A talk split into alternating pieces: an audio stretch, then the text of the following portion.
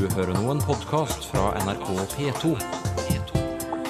nrk.no-podkast. Jeg vet ikke, jeg, sjø, men jeg tror det gjør seg at det går bra. i Nei, det skulle ha vært noe helt annet.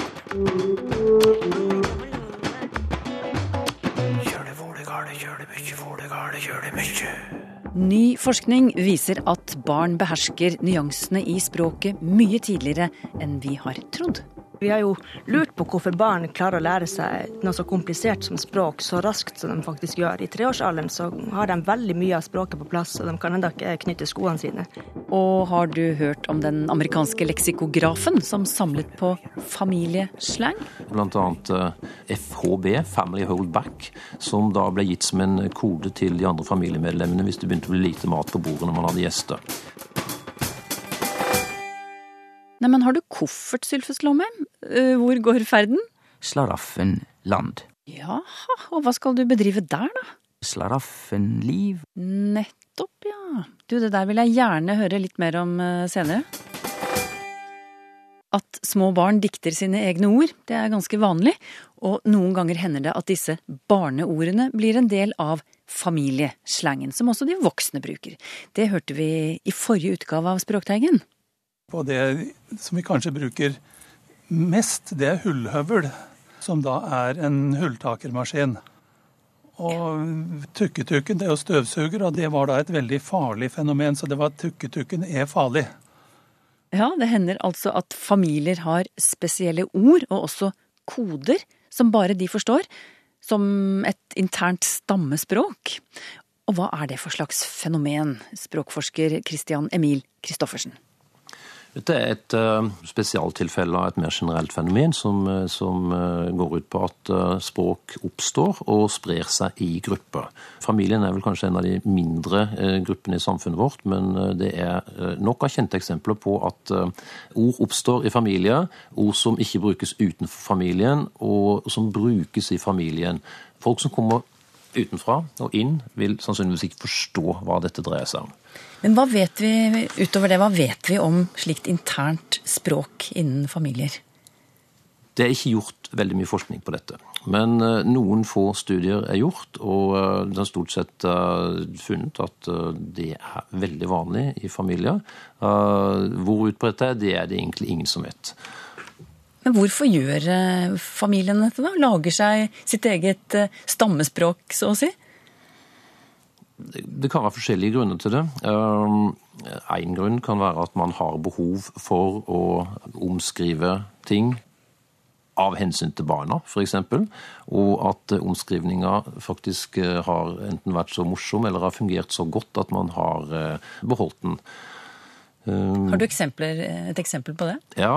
En av de som det har funnet litteraturen som har skrevet litt om dette, var en amerikansk leksikograf, Alan Walker Reed, som i 1962 skrev en artikkel som heter 'Family Words in English'. Han så bl.a. på forkortelse som ble brukt i familiesammenhenger, bl.a. FHB, Family Hold Back, som da ble gitt som en kode til de andre familiemedlemmene hvis det begynte å bli lite mat på bordet når man hadde gjester. Dette har vist seg å være et ord som har spredd seg fra det Reed mente måtte være familiebruk, til, til større grupper i det amerikanske samfunnet. Men du bare, for å oppklare det, altså Family hold back, betyr det da at da skal familien ikke forsyne seg fordi det begynner å bli lite mat på bordet? Mm, Jepp. Ja, ok. Det er ja. riktig. Og det ble også antyda av en person som senere jobba med dette, her, at i de familiene der denne forkortelsen etter hvert ble ganske vanlig, så fant man nye forkortelser for å signalisere til familiemedlemmer at de måtte holde fingrene av fatet. Ja, hva sa man da, da? Da var det en forkortelse som ble uttalt som FLO, FLO, Family Lay Off. Og dette sa man til hverandre, da, så gjestene hørte det? Ifølge Alan Walker Reed så var det en måte å kommunisere på i, i bestemte familier. Ja. Mm. Men dette er jo noe som man gjør for at utenforstående ikke skal forstå. Men du nevnte også at man har de voksne lager sine egne koder for at barna ikke skal forstå. og Har du noe eksempel på det? Det tror jeg de aller fleste som har hatt barn, har eksempler på. F.eks. Ja. da staver ord som uh, is uh, i en periode inntil barna lærer å stave. Uh, Reed har også et eksempel der man måtte foreta omskrivninger i forhold til husets hund, eh, som, som hver gang eh, den hørte uttrykket 'walk the dog', gikk fullstendig berserk. Dette var en ganske stor hund, og de måtte rett og slett finne et annet uttrykk, så hunden ikke skulle forstå det. Det står ingenting om hunden etter hvert også oppfatta det. Men å stave, ja. Men så begynner barna på skolen, og da forstår de jo eh, Da kan de jo stave selv. Selvfølgelig, men hvis dette har vært enten et veldig morsomt uttrykk, eller det har fungert, så kan det godt leve godt videre i familien. Ja, hvordan brukes det da? Sannsynligvis på en veldig humoristisk eh, måte. Men du nevnte Vi snakket jo sammen for en uke siden om ord som barn lager selv når de er små, fordi de ikke klarer å f.eks. ikke klarer å uttale det egentlige ordet. Og da antydet du at slike ord kan leve videre i familien som en slags familieslang. Hva er det for slags eh, fenomen? Jeg kan ta et eksempel fra min egen familie, der eh, en av døtrene mine i toårsalderen kalte balkongen for eh, badekongen. Lenge etter at barna hadde lært å si balkongen, så levde dette ordet videre i familien. De fleste omtalte da balkongen som badekongen, og det kan fremdeles gjøres nå ca. 20 år etter. Det er en viss porsjon humor. Ja. Du, eh, du har også kjennskap til en amerikansk ordbok som heter Family Words. Du nevnte det vel så vidt i sted. Hva er det for slags bok? Det er en uh, kar som heter Paul Dixon, som uh, har uh, gjort det til levevei å skrive bøker om språk, og blant annet så har han samla inn ord fra familie. Av den typen som, som også ble beskrevet av Alan Walker Reed for 50 år siden. Ja. Hvor mange ord er det i den boken, da? Det aner jeg ikke. Det har jeg ikke sjekka. Men hvordan, hvordan brukes den? Den brukes vel som en den, den, Jeg vil tro at den har ganske liten nytteverdi, men ganske stor underholdningsverdi. Det er jo et poeng som allerede ble gjort for, for 50 år siden, at det er begrensa lingvistisk verdi i den typen eksempler. Men Reed, som da skrev i 62, var også, gjorde leserne oppmerksom på at dette er et eksempel på det han kaller for språklig kreativitet. Og kan være verdt å studere uh, som det. Mm. Hvor utbredt tror du det er at familier har slikt internt språk som du har gitt eksempler på nå? Det er vanskelig å si, men Paul Dixon, som da utga sin ordbok over Family Words i 2007, sa jo det at han hadde samla inn de fleste av disse i etterkant av et TV-program eller radioprogram han hadde vært med på, der han omtalte disse ordene. Og det som da skjedde i ettertid, var at halve landet ringte inn og skulle berette om sine familieord. Så jeg tror det er ganske vanlig. Mm. Takk skal du ha, Christian Emil Christoffersen, språkforsker ved Universitetet i Oslo. Apropos barn som lager sine egne ord. I en e-post skriver Reidun Danielsen. Et eksempel jeg alltid vil huske fra tiden min første nevø lærte å snakke, er ordet tetfillefille. På den tiden dro faren daglig til universitetsbiblioteket, eller tetfillefille, om du vil. Vi gir ikke slipp på barna riktig ennå, for hvordan lærer barn språk? Hvordan angriper de det enorme prosjektet det er å beherske et tungemål til fulle? Norsk forskning gir nye svar på dette spørsmålet. Og for å få vite mer må vi til Tromsø, til Castle, Senter for avanserte studier i lingvistikk. Kristine Bensen, hva er det for slags nye funn dere har gjort? Ja, kort sagt så er det det at vi har funnet ut at barn, når de skal lære språk, istedenfor å gjøre veldig store overgeneraliseringer når det gjelder regler i språk, så er de faktisk veldig observant på fine nyanser i språket og grammatikken.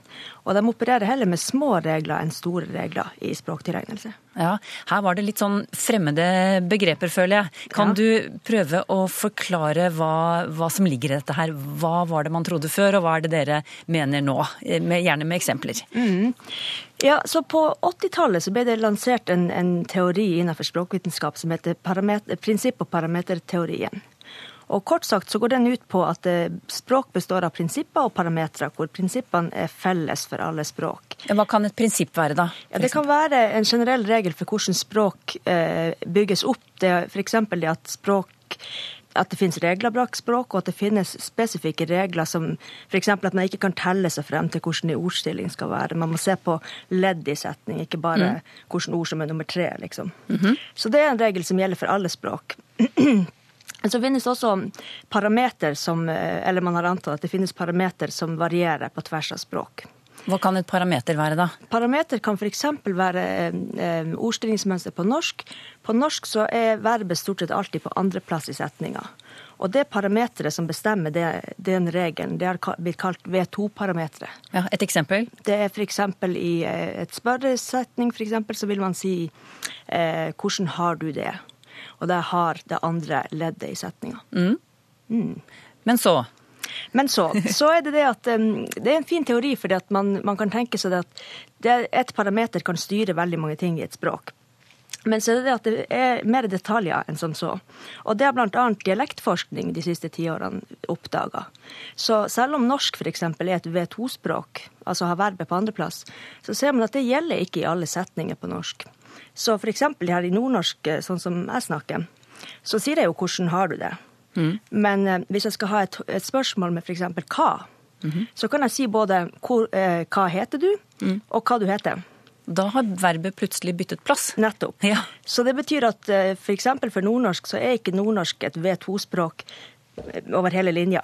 Mm. Det fins variasjon her. Mm. Mm. Men hvor passer barna inn oppi dette her, da? Eh, sånn som man så på barn og språk språkinnlæring før. Ja, så Det som også var fint med parameterteorien i forhold til barnespråk, det var at man tenkte ok, hvis barn sin oppgave er å sette de her parametrene riktig, så kan de ved hjelp av å sette ett parameter lære seg mange ting i språket samtidig.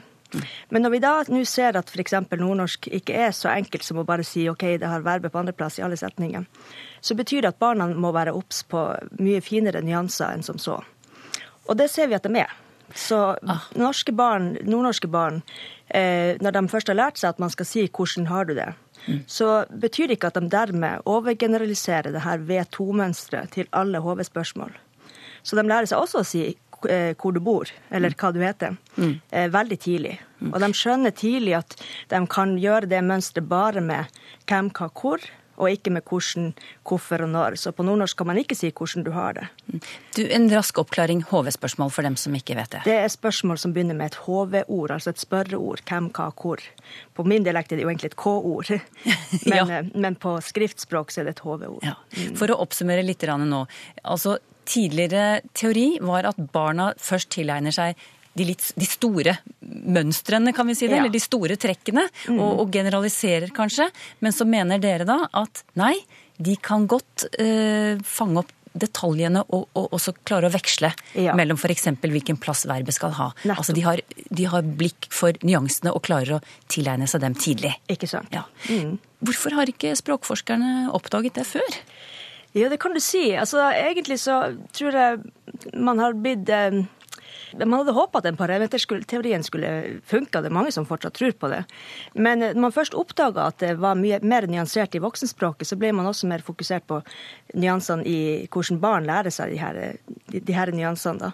Så det henger både sammen med at språk, barnespråksforskninga og at språkforskninga generelt har tatt en litt annen vinkling og begynt å se mer på dialekter og mindre på standardspråk, og dermed får frem mye finere mønster enn det vi trodde var tilfellet før. Mm. Dere, dere, bruker begrepet mikroparametere? Ja, mikroparameter er noe som en del folk bruker istedenfor sånne store makroparameter, som V2 ville vært et stort makroparameter, og nå ser vi at det antageligvis er delt opp i flere mindre mikroparametere. Mm. Kan du si noe kort om hvordan dere har kommet fram til dette her? Hva har dere gjort for noe? Ja, Når vi forsker på barnespråk, så bruker vi både korpus, altså samling av spontantale fra barn sam sammen med foreldrene f.eks., og så bruker vi også eksperimenter. Og Eksperimenter bruker vi når vi skal undersøke en spesifikk setningstype eh, i mer detalj. Så vi kan f.eks. lage en lek som består av at barn skal spørre hvem, hva, hvor spørsmål. Og så får vi høre hvor de plasserer verbet i de setningene. Mm. Men at barn er så tidlig ute med å oppfatte nyansene i språket, eh, hvilke konsekvenser får et slikt funn da, hvis vi tenker framover? Ja, på en måte så, så gjør det jo at eh, barnespråkstilegnelse blir eh, mer mystisk på et vis. For vi har jo lurt på hvorfor barn klarer å lære seg noe så komplisert som språk så raskt som de faktisk gjør. I treårsalderen så har de veldig mye av språket på plass, og de kan ennå ikke knytte skoene sine. Sånn at eh, det er jo et veldig komplisert system. Og når man trodde på store parameter, så trodde man at man hadde en forklaring på hvorfor det gikk så fort. Og nå når vi kanskje ikke tror på det helt lenger, så er vi litt tilbake til at eh, de må lære seg mindre regler. Og da må man begynne å se nærmere på hvordan hjernen fungerer her. Hvordan, hvordan språket eh, genereres i hjernen. Og et spørsmål da blir selvfølgelig et spørsmål som man har lurt på lenge, selvfølgelig, men det blir eh, hva i språket som er medfødt, og hva som må læres.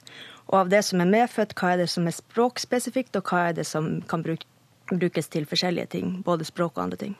Hvordan klarer man å finne ut av det? Nei, Det er vanskelig. Men det er en egen eh, retning innenfor språkvitenskapen nå som heter biolingvistikk, som eh, er spesielt opptatt av de her spørsmålene. Og Da må man bruke eksperimenter. Man kan bruke både språklige eksperiment, eksperimenter, men man kan også um, gjøre hjerneskanning f.eks. For, for å se hvordan hjernen oppfører seg når man snakker. Mm. Så de funnene dere har gjort, Eh, de bringer oss altså rett inn i hjernen på mennesket. Det er akkurat det de gjør. Takk til Kristine Bentsen ved Castle, som er et av Forskningsrådets sentre for fremragende forskning. Og Castle ligger ved Universitetet i Tromsø og er ti år i år. Kjør det for det gale, gjør det mye Så var det oss igjen da, Sylfest Lomheim, og nye lytterspørsmål. Ja. På Twitter skriver Andreas Lindrupsen, vi har alle hørt om slaraffenliv. Men hvor kommer ordet slaraffen fra, og hva betyr det? Ordet er ikke norsk. Det kommer fra tysk. Eh, slaraffe. Og affe på tysk betyr jo òg ape, så jeg ser nesten for meg ei dormende, doven ape, iallfall. Det er derifra vi vi har det. Og fra det har vi da fått både slaraffenliv og slaraffenland. Men altså tysk import. På Hedmarken er det innmari fint, og det er innmari trist å ikke se Mjøsa, skriver Eline Bjørke, som egentlig vil vite hvor ordet innmari kommer fra, og om det brukes eh, andre steder i landet enn på Hedmarken. Det gjør det om det er typisk hedmarks, så er det nok også typisk i et mye videre område i, i eh, Noregs land. Innmari, eh, de reknar med at den første delen inn er et forsterkende element. Altså vi har det òg i innfugl. Da er du veldig fugl. Det er ikke eh, så veldig bra. Mari trudde jeg kanskje kunne ha noe å gjøre med og Maria, altså at det er svak banning, men der sier ordbøkene at det de meiner Mari kjem ifrå, i innmari, det at Mari har med morken å gjøre, altså det som er råte. Så det er tvers igjennom råte, altså morkent, når folk sier innmari. Otto Prytz skriver til oss. Når min spanske kone stiller meg spørsmål om norsk språk, har jeg som regel et svar, men et spørsmål jeg fikk for litt siden, det kunne jeg ikke svare på. Hvorfor heter det friidrett? Hvorfor forleddet fri? Når Otto Prytz ikke har funnet det ut, så er ikke det så lett for meg å finne det ut heller. Jeg har heller ikke sett ordet forklart, eh, heller ikke av Friidrettsforbundet sjøl. Men det er lov til å spekulere, og jeg tror at uh, dette har ei slik forklaring. Idrett er jo greit nok, det er jo sport, idrett, og idrett er gammelnorsk. Men fri? Kvifor fri? Jau, eh, det er jo slik at mange idretter uh, bygger på utføring. Stilen. Du får karakterer i hopp og i dans. Og i langrenn så skiller vi nå mellom klassisk og friteknikk. Når det gjelder friteknikk, så går folk akkurat som de vil. Og de fleste skøyter, for det går raskest, men i klassisk må de gå på en bestemt måte.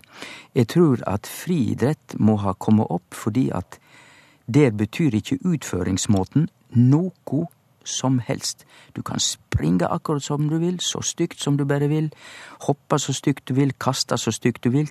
Det er tre ting som betyr noe. Høgast, og lengst og raskast, både på 100 meter og på maraton. Altså det er meter og sekunder som betyr noe. Derfor er det fri idrett. Tror jeg. En lytter kontakter oss og spør hva er forskjellen på marginalt og minimalt? Vi hører jo straks at det er veldig lite, men eh, det er en liten skilnad i den forstand at marginalt er jo i slekt med et ord alle kjenner, nemlig margen, og det er jo på sida av, ikke sant? Og det betyr at det som er marginalt, det er til sides for det som er hovedsaka. Og minimalt, det har med minimum å gjøre, altså veldig lite. Har du et eksempel, eller har du to eksempler, ett hvor du bruker det ene ordet, ett hvor du bruker det andre, som kan anskueliggjøre det du har sagt nå? Vi kan jo da si at eh, dette spørsmålet er marginalt i høve til det som er hovudsaka. Og vi kan òg si at det er minimal interesse for dette spørsmålet. Da er det veldig lita interesse. Håvard Klefstad Balsvik etterlyser opphavet til uttrykket 'på tampen'. Og det er kommet til oss fra sjømannslivet. Og det er nederlandsk, som veldig mange sjømannsuttrykk er. Tamp er et ord for tau, enden på tauet. Og det betyr at på tampen, da er vi på slutten av tauet, altså det er den siste biten på tauet. Og det er jo slik vi òg bruker uttrykket i norsk, at når noe er på tampen, så er det helt på slutten. Rune Henning spør om intetkjønnsformen av adjektivet ru. Han- og hun-kjønnsformer går jo greit, skriver han. Eksempel en ru overflate. Men hva hvis det var ett belegg? Hva sier vi da? Og da Eh, ja. sier ordbøkene at du kan skrive enten et ru-belegg eller et rutt-belegg. Det siste vil nok være mer i samsvar med det som er regel når vi har et adjektiv som ender på vokal, for eksempel blå. Ein blå duk, så blir det sjølvsagt et blått belegg med to t-er. Vi er inne på her et område, altså det er en del adjektivbøyingar i norsk som ikke er alltid så greie å, å ta, og det er òg fordi at en del adjektivkonstruksjoner, eller bøyingsformer, er veldig sjeldne. Og det som da skjer, er at vi opparbeider ei veldig svak språkkjensle for hva som er rett og gale. Men som sagt, i dette tilfellet, etter ordboka, så er det valgfritt. Men hva ville du valgt da, Sylfest Lomme? Jeg ville valgt uh, uten uh, T, altså et ru-belegg. Ja. Jeg må si jeg syns det høres litt rart ut med rutt. Det er fordi at uh, da blir det i samsvar med det som ellers er tendensen når det gjelder slike adjektiv på vokal. Blå, blått. Et hjertesukk nå fra Tove Werner. Hun sier hvorfor sier vi at vi lukker opp en dør, et vindu osv.? Og nå for tiden så bygger vi ned noe også. Når en tenker seg om, så er jo dette helt misvisende og uforståelig for utlendinger som skal lære norsk, sier hun. Det er kanskje ikke helt uforståelig, men jeg er veldig sammen med Tove Werner eh, når det gjelder disse uttrykka, for de er ikke gode, logisk sett. Å bygge ned, da burde vi vel heller si at vi reduserer, eh, eller gjør noe mindre, for bygge er jo tross alt oppover. Og kanskje enda verre med lukka opp, for å lukka er jo det samme som å stenge. Og da betyr jo, rent historisk logisk, lukka opp og stenge opp. Men det gjelder begge disse orda. Bygge ned, lukka opp. Begge står i ordbøkene, og det går an å bruke dem. Men jeg vil jo seie til Tove Werner og andre at vi må ikke bruke alle ord som står i ordbøkene, og jeg sjøl ville nok ikke bruke dem hvis jeg hadde tenkt meg om når jeg sitter og skriver. Hva ville du sagt istedenfor å lukke opp, da? Nei, jeg ville seie åpna. Og eh, i stedet for å bygge ned, så vil jeg redusere eller gjøre noe annet. Og vi har jo òg gode norske ord som når det gjelder eh, vindauge. Vi leter igjen vindauget, og vi leter opp et vindauge. Lata igjen og lata opp er gode eh, uttrykk, iallfall som lever fint i dialektene. Erlend Hamberg leste nylig Tolkiens 'Hobbiten' på originalspråket engelsk. I en dramatisk episode blir det ropt fornærmelser noen, til noen slemme edderkopper, og den desidert verste fornærmelsen, skriver Erlend Hamberg, det er ordet 'attercop'. Å bli kalt attercop gjør edderkoppene rasende. Og så spør han kjenner dere til historien til ordet edderkopp, og hvor kan tolken ha fått det fra? Det siste Jeg er ikke spesialist på verken Hobbiten eller Tolken, men jeg mener å ha oppfatta at Tolken er svært godt orientert om skandinaviske språkforhold, og ikke minst gammelnorsk, altså norrøne ord og uttrykk. Så han let seg inspirere av gammelt norsk uh, og skandinavisk språkbruk. Det er det ene. Det andre er ordet edderkopp. Det kan vi svare på. Edder er det som tilsvarer på eh, godt høgnorsk og gammelnorsk eiter. Og det er jo ei, ei eh, svak gift som kan bedøve, som enkelte dyr har. Edder, eller altså eiter. Edder er den danske forma som har tatt plass i norsk språk, også i nynorsk. Når det gjelder koppen, så er jeg veldig i stuss, og det er nok også ordbøkene. For kopp kan jo være ei forvansking av kopf, som betyr hoved på tysk. Eller det kan være en kropp. I alle fall, vi har jo flere uttrykk som ender på kopp. Vi har rotekopp, og vi har masekopp, og vi har edderkopp. Så det er nok trolig samme bruken av kopp. Har du spørsmål til Språkteigen? Skriv til Teigen, krøllalfa nrk.no, eller til Språkteigen, NRK P2, 7005, Trondheim. Så finner du oss også på Twitter og på Facebook. Språkteigen i dag var et gjenhør fra november i fjor. Men neste gang blir det ferskvare, en to timers spesialsending om språklig mangfold. What I usually say to people in cross cultural relationships make your partner say that they love you in their own first language. You it would mean much more. Especially don't trust it if it's in English. I love you, very commonly used, doesn't mean much. Nei, det er ikke likegyldig hvilket språk du erklærer kjærligheten din på. Språk og følelser er et av mange temaer i Språkteigens spesialsending søndag 20. oktober. Klokken ni. Merk det. Klokken ni.